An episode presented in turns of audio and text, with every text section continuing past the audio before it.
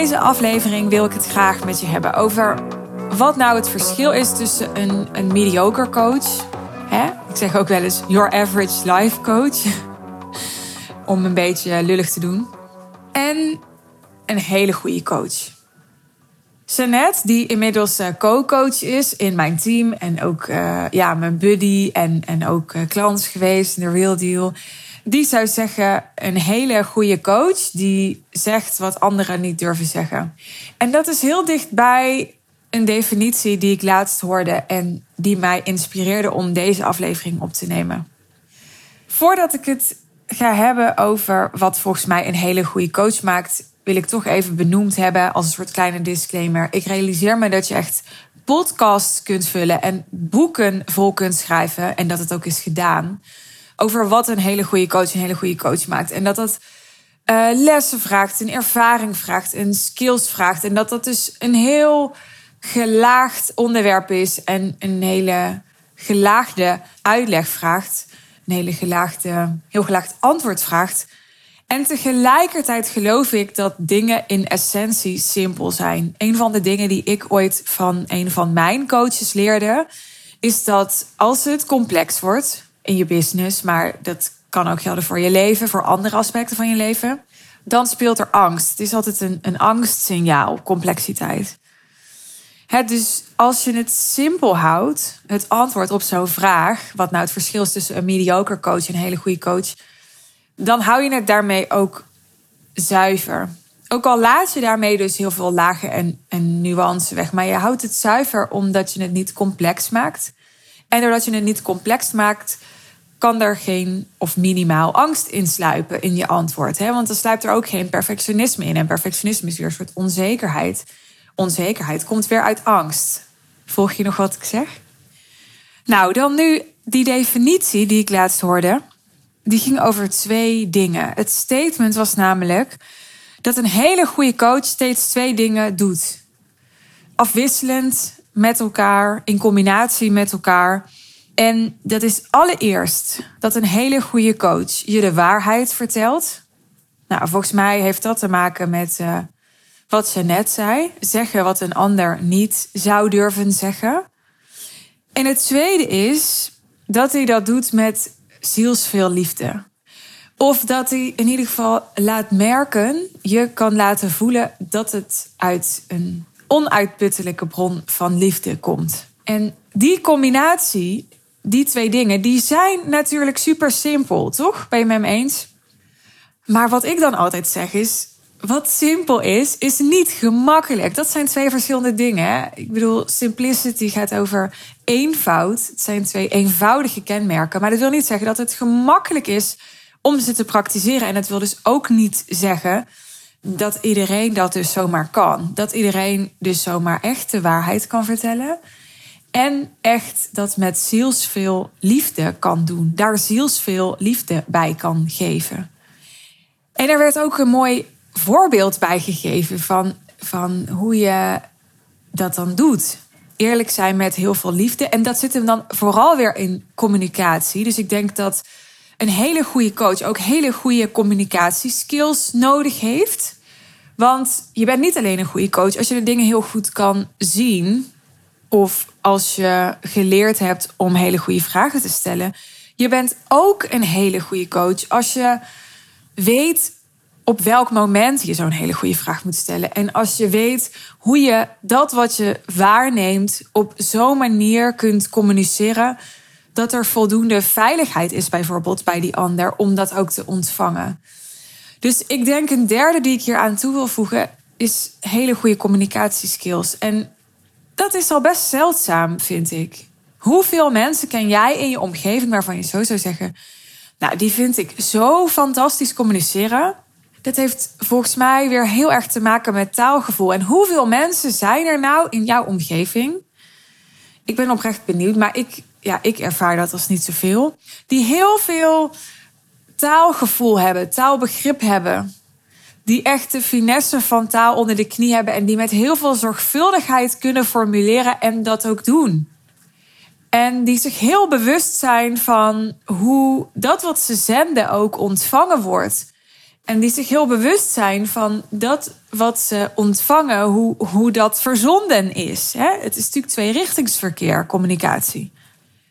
Nou, dat voorbeeld dat ik je wilde geven, dat ging over de volgende formulering. Stel je wilt jouw coachie ergens feedback op geven, dan uh, zou je kunnen zeggen, voordat je inhoudelijk gaat met die feedback, ik geef je deze feedback omdat ik hele hoge verwachtingen van je heb. En ik weet dat jij die verwachtingen kunt waarmaken.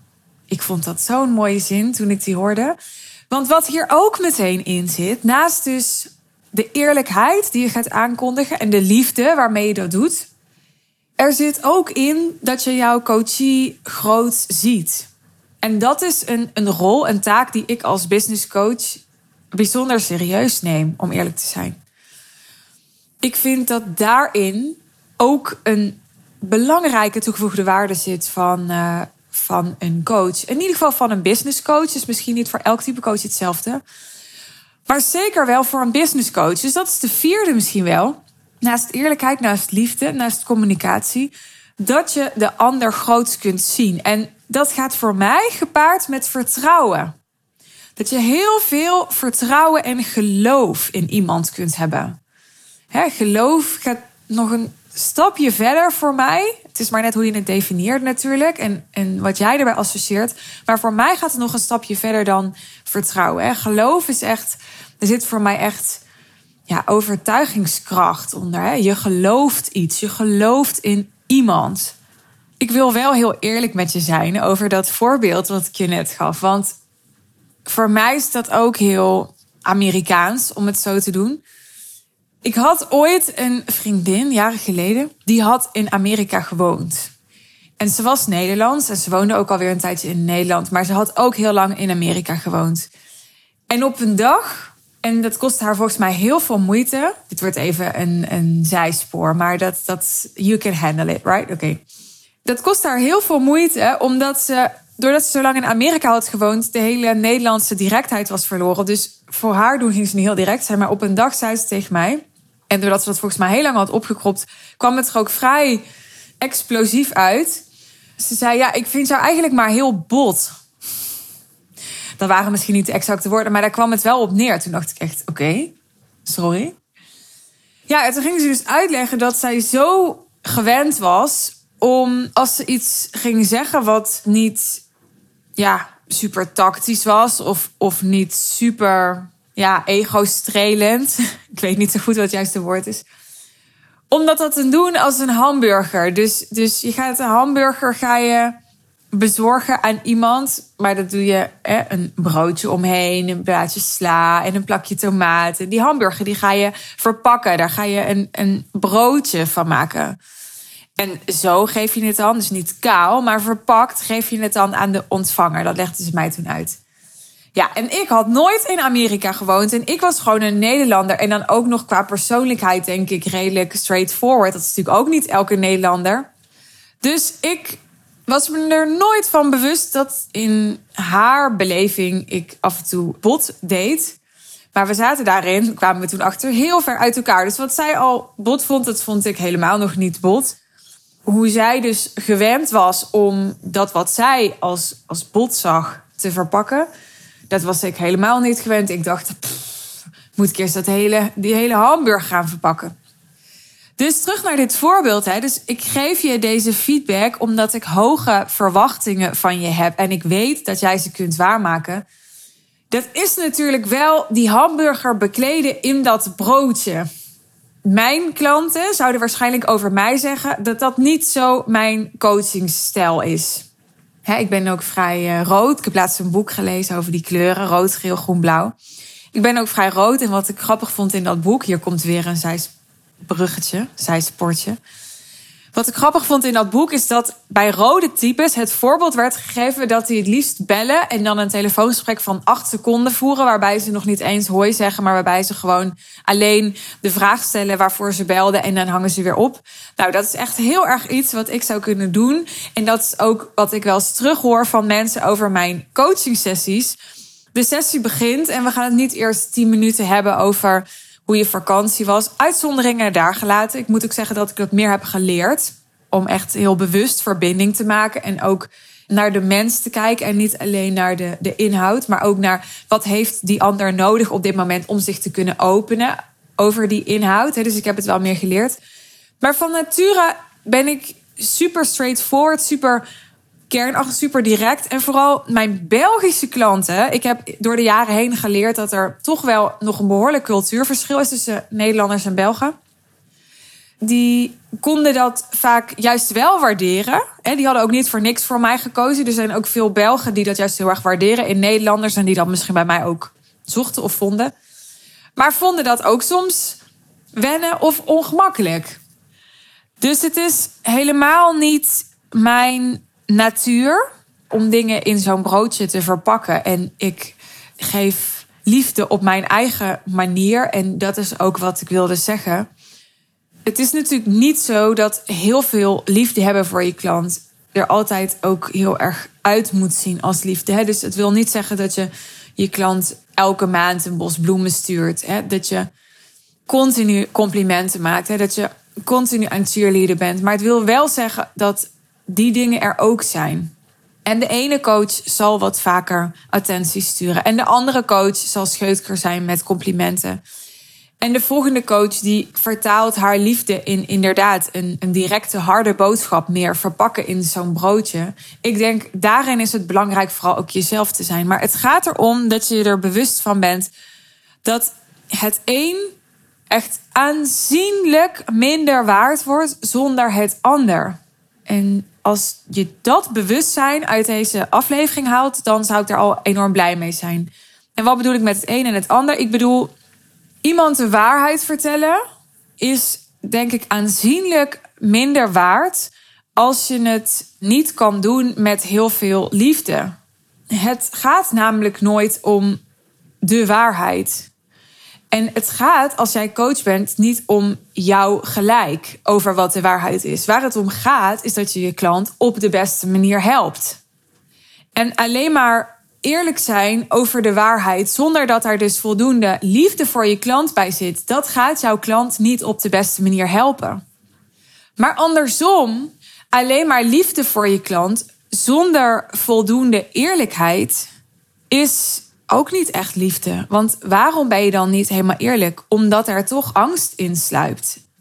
Omdat er toch de angst in sluipt, ja, maar dan kwets ik die ander. Of ja, maar dan wordt hij of zij boos. Of ja, maar dan is hij of zij teleurgesteld. Of hij of zij neemt er aanstoot aan. Of ja, hij of zij vindt mij dan onaardig, onsympathiek. Nou, noem het maar op. Ik denk dat elke coach de neiging heeft om meer naar het een te hangen, dus meer naar de eerlijkheid te hangen, of meer naar het ander te hangen, dus meer naar het liefdevol zijn te hangen. Waarbij liefde dan dus ook nog wel eens verward kan worden met aardig zijn. Want liefdevol zijn betekent nog niet altijd aardig zijn. En aardig zijn is niet altijd het meest lieve wat je voor iemand kan doen. Nou, voor mij persoonlijk geldt, hè, dat, dat blijkt wel uh, uit wat ik verteld heb in deze aflevering, maar ook wel uit andere afleveringen, denk ik, als je mij langer volgt. Dat ik sowieso jaren geleden, inmiddels is het minder, maar altijd de neiging had om maar gewoon met de botte eerlijk te zijn. En dat ik echt heb moeten leren om veel meer dat vanuit verbinding met die ander te doen en aan te voelen is er ruimte voor die ander om dit te horen, te zien, te lezen, te ontvangen. Maar ook kan ik het nu dragen om hoe die ander hierop gaat reageren, welke kant dat ook opgaat, om daar de holding space voor te bieden. Door de jaren heen en, en met veel meer ervaring opgebouwd in de afgelopen jaren, heb ik een veel betere balans gevonden tussen die eerlijkheid en die liefde. Ik denk dat dat me een veel betere coach heeft gemaakt voor mij is het dus ook altijd best wel triggerend om coaches te zien die heel supportive en heel lief en heel sympathiek zijn. Mijn coaches zijn dat nooit, moet ik eerlijk zeggen. Ik kan daar niet zo goed mee overweg. Ik krijg daar jeuk van, hè, dus het zegt alles over mij. Maar dat is natuurlijk omdat ik daar... Waarom triggert ietsje? Kan meer reden hebben, maar vaak wordt daar dan een, een verlangen aangeraakt. Wordt daar dan iets, een verborgen verlangen van ons aangeraakt. Iets wat we ten diepste zelf ook zouden willen. Dus dat is wat er bij mij gebeurt als ik iemand echt super. Nou, ik heb ook wel dat soort klanten. Ja, die ik soms over klanten hoor praten. En denk ik, ja, ik hou super veel van mijn klanten. Ik vind het fantastisch. Maar zoals zij daarover praat, zo, zo zou ik dat gewoon niet doen. Dat, dat, ik ben gewoon niet zo geschapen. Hè? En, en ik heb dus, dat is veel meer in mijn comfortzone, zelf ook altijd coaches gezocht die echt heel confronterend zijn. Die echt juist ook heel eerlijk konden zijn, helemaal niet zo in verbinding. En ik denk, dat kan ook. Hè, dat kan ook. Maar dat kan. Ik kan heel veel leren van die coaches. En ik kan heel veel hebben aan die coaches. Omdat ik het ook heel goed kan ontvangen van een coach. Als ik die daarvoor betaal. En als ik me erop instel hè, dat ik de coachie ben. En ik neem die houding aan. Dat iemand echt zegt van... Ja, Suus, hè, dit, dit slaat helemaal nergens op. Uitzonderingen daar gelaten, want ik denk nu gelijk aan voorbeelden waarbij ik dat helemaal niet kon ontvangen en dan heel veel weerstand had.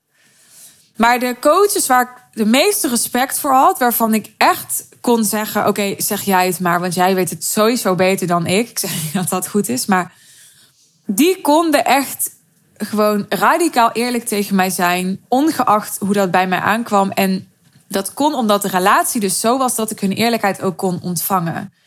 En dan was het oké. Dan hoefde dat brood niet omheen, want ik kon het ontvangen. Alleen, we moeten dus kijken naar die ander, kijken naar onze coachie. Wie hebben we tegenover ons? En het gaat niet alleen om wie hebben we tegenover ons, maar ook naar de timing. Hoe zit iemand in zijn vel? Hoe, hoe kwetsbaar is iemand op dit moment? Hoe is de relatie op dit moment? Hoeveel veiligheid is er? Hoeveel vertrouwen is er? Dat is allemaal bepalend voor hoe je in dat moment communiceert. Dus hoe je in dat moment eerlijk bent en liefdevol bent en welke communicatie je daarvoor gebruikt. En om daar echt naar te kunnen kijken, om echt te kunnen kijken naar wie je tegenover je hebt en wat de timing is en wat de context is. Daarvoor is nodig dat je echt je ego aan de kant kunt zetten als coach. Dat is ook heel belangrijk. En om je ego aan de kant te zetten moet er denk ik compassie zijn. En er moet nederigheid zijn. Nederigheid noemde ik laatst ook al in een aflevering van uh, afgelopen vrijdag.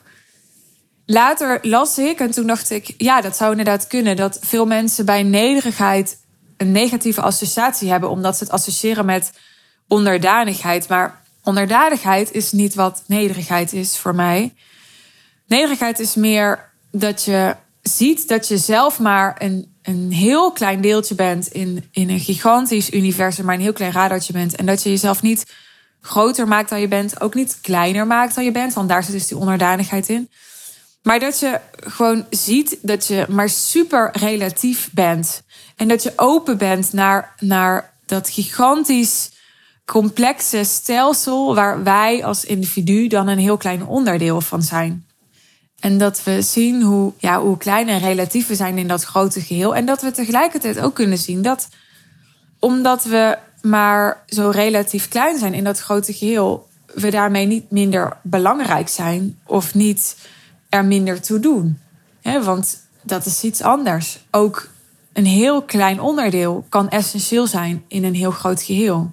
Dus nederigheid is voor mij dat je, dat je dat ziet, dat je dat erkent, maar dat je dus niet ja, daarmee jezelf nietig maakt. dat is iets anders. Nou, nog even samengevat. Een hele goede coach is volgens mij iemand die jou de waarheid vertelt. Die echt, echt, echt liefde voor jou kan voelen. En die liefde die kan alleen maar stromen zonder dat er pijn en projecties in de weg zitten. Als die coach ook in staat is om echt zijn of haar ego te kunnen parkeren, ondergeschikt te kunnen maken. En daarvoor is er weer nodig dat iemand compassie kan hebben voor zichzelf in de eerste plaats, voor de ander. Dat iemand nederig kan zijn, durft te zijn. En ik denk dus dat vertrouwen en geloof in de coachie en hem of haar groot kunnen zien ook hele belangrijke ingrediënten zijn. Ik ben benieuwd naar jouw visie. Want ik weet dat er heel veel coaches zijn die deze podcast luisteren. Dus jij hebt hier ongetwijfeld je eigen ervaringen mee. Ongetwijfeld zelf ook al wel over nagedacht. En ongetwijfeld je eigen visie op. Dus mocht je belangrijke aanvullingen hebben, dan uh, ben je welkom om me even te DM'en. Je kunt me bereiken via Instagram. En uh, mijn Instagram vind je in de show notes. Mocht je me nog niet volgen daar. En mocht je mij willen ervaren als jouw coach. Of willen onderzoeken of ik jouw volgende business coach ben. Boek dan een call met ons. Dat kan via de salespace over de Real Deal, ons business traject. Daar vind je de mogelijkheid om een call met ons te boeken. En dan spreek je eerst uh, iemand uit mijn team kan een kort gesprekje zijn waarin je even kunt aftasten van oké, wat kan de real deal voor mij betekenen? Welke perspectieven zijn er voor mij met dit traject? En als je dan voelt van ja, ik voel hier echt een verlangen en ik wil serieus een stap zetten, een volgende stap zetten in het waarmaken van mijn hoogste ambities zonder concessies, dan kom je bij mij en dan uh, ga ik ook wat uh, coaching skills aan je showen. Oké, beloofd. Dankjewel voor je aandacht. Dankjewel voor het luisteren. En ja, heel graag tot de volgende keer.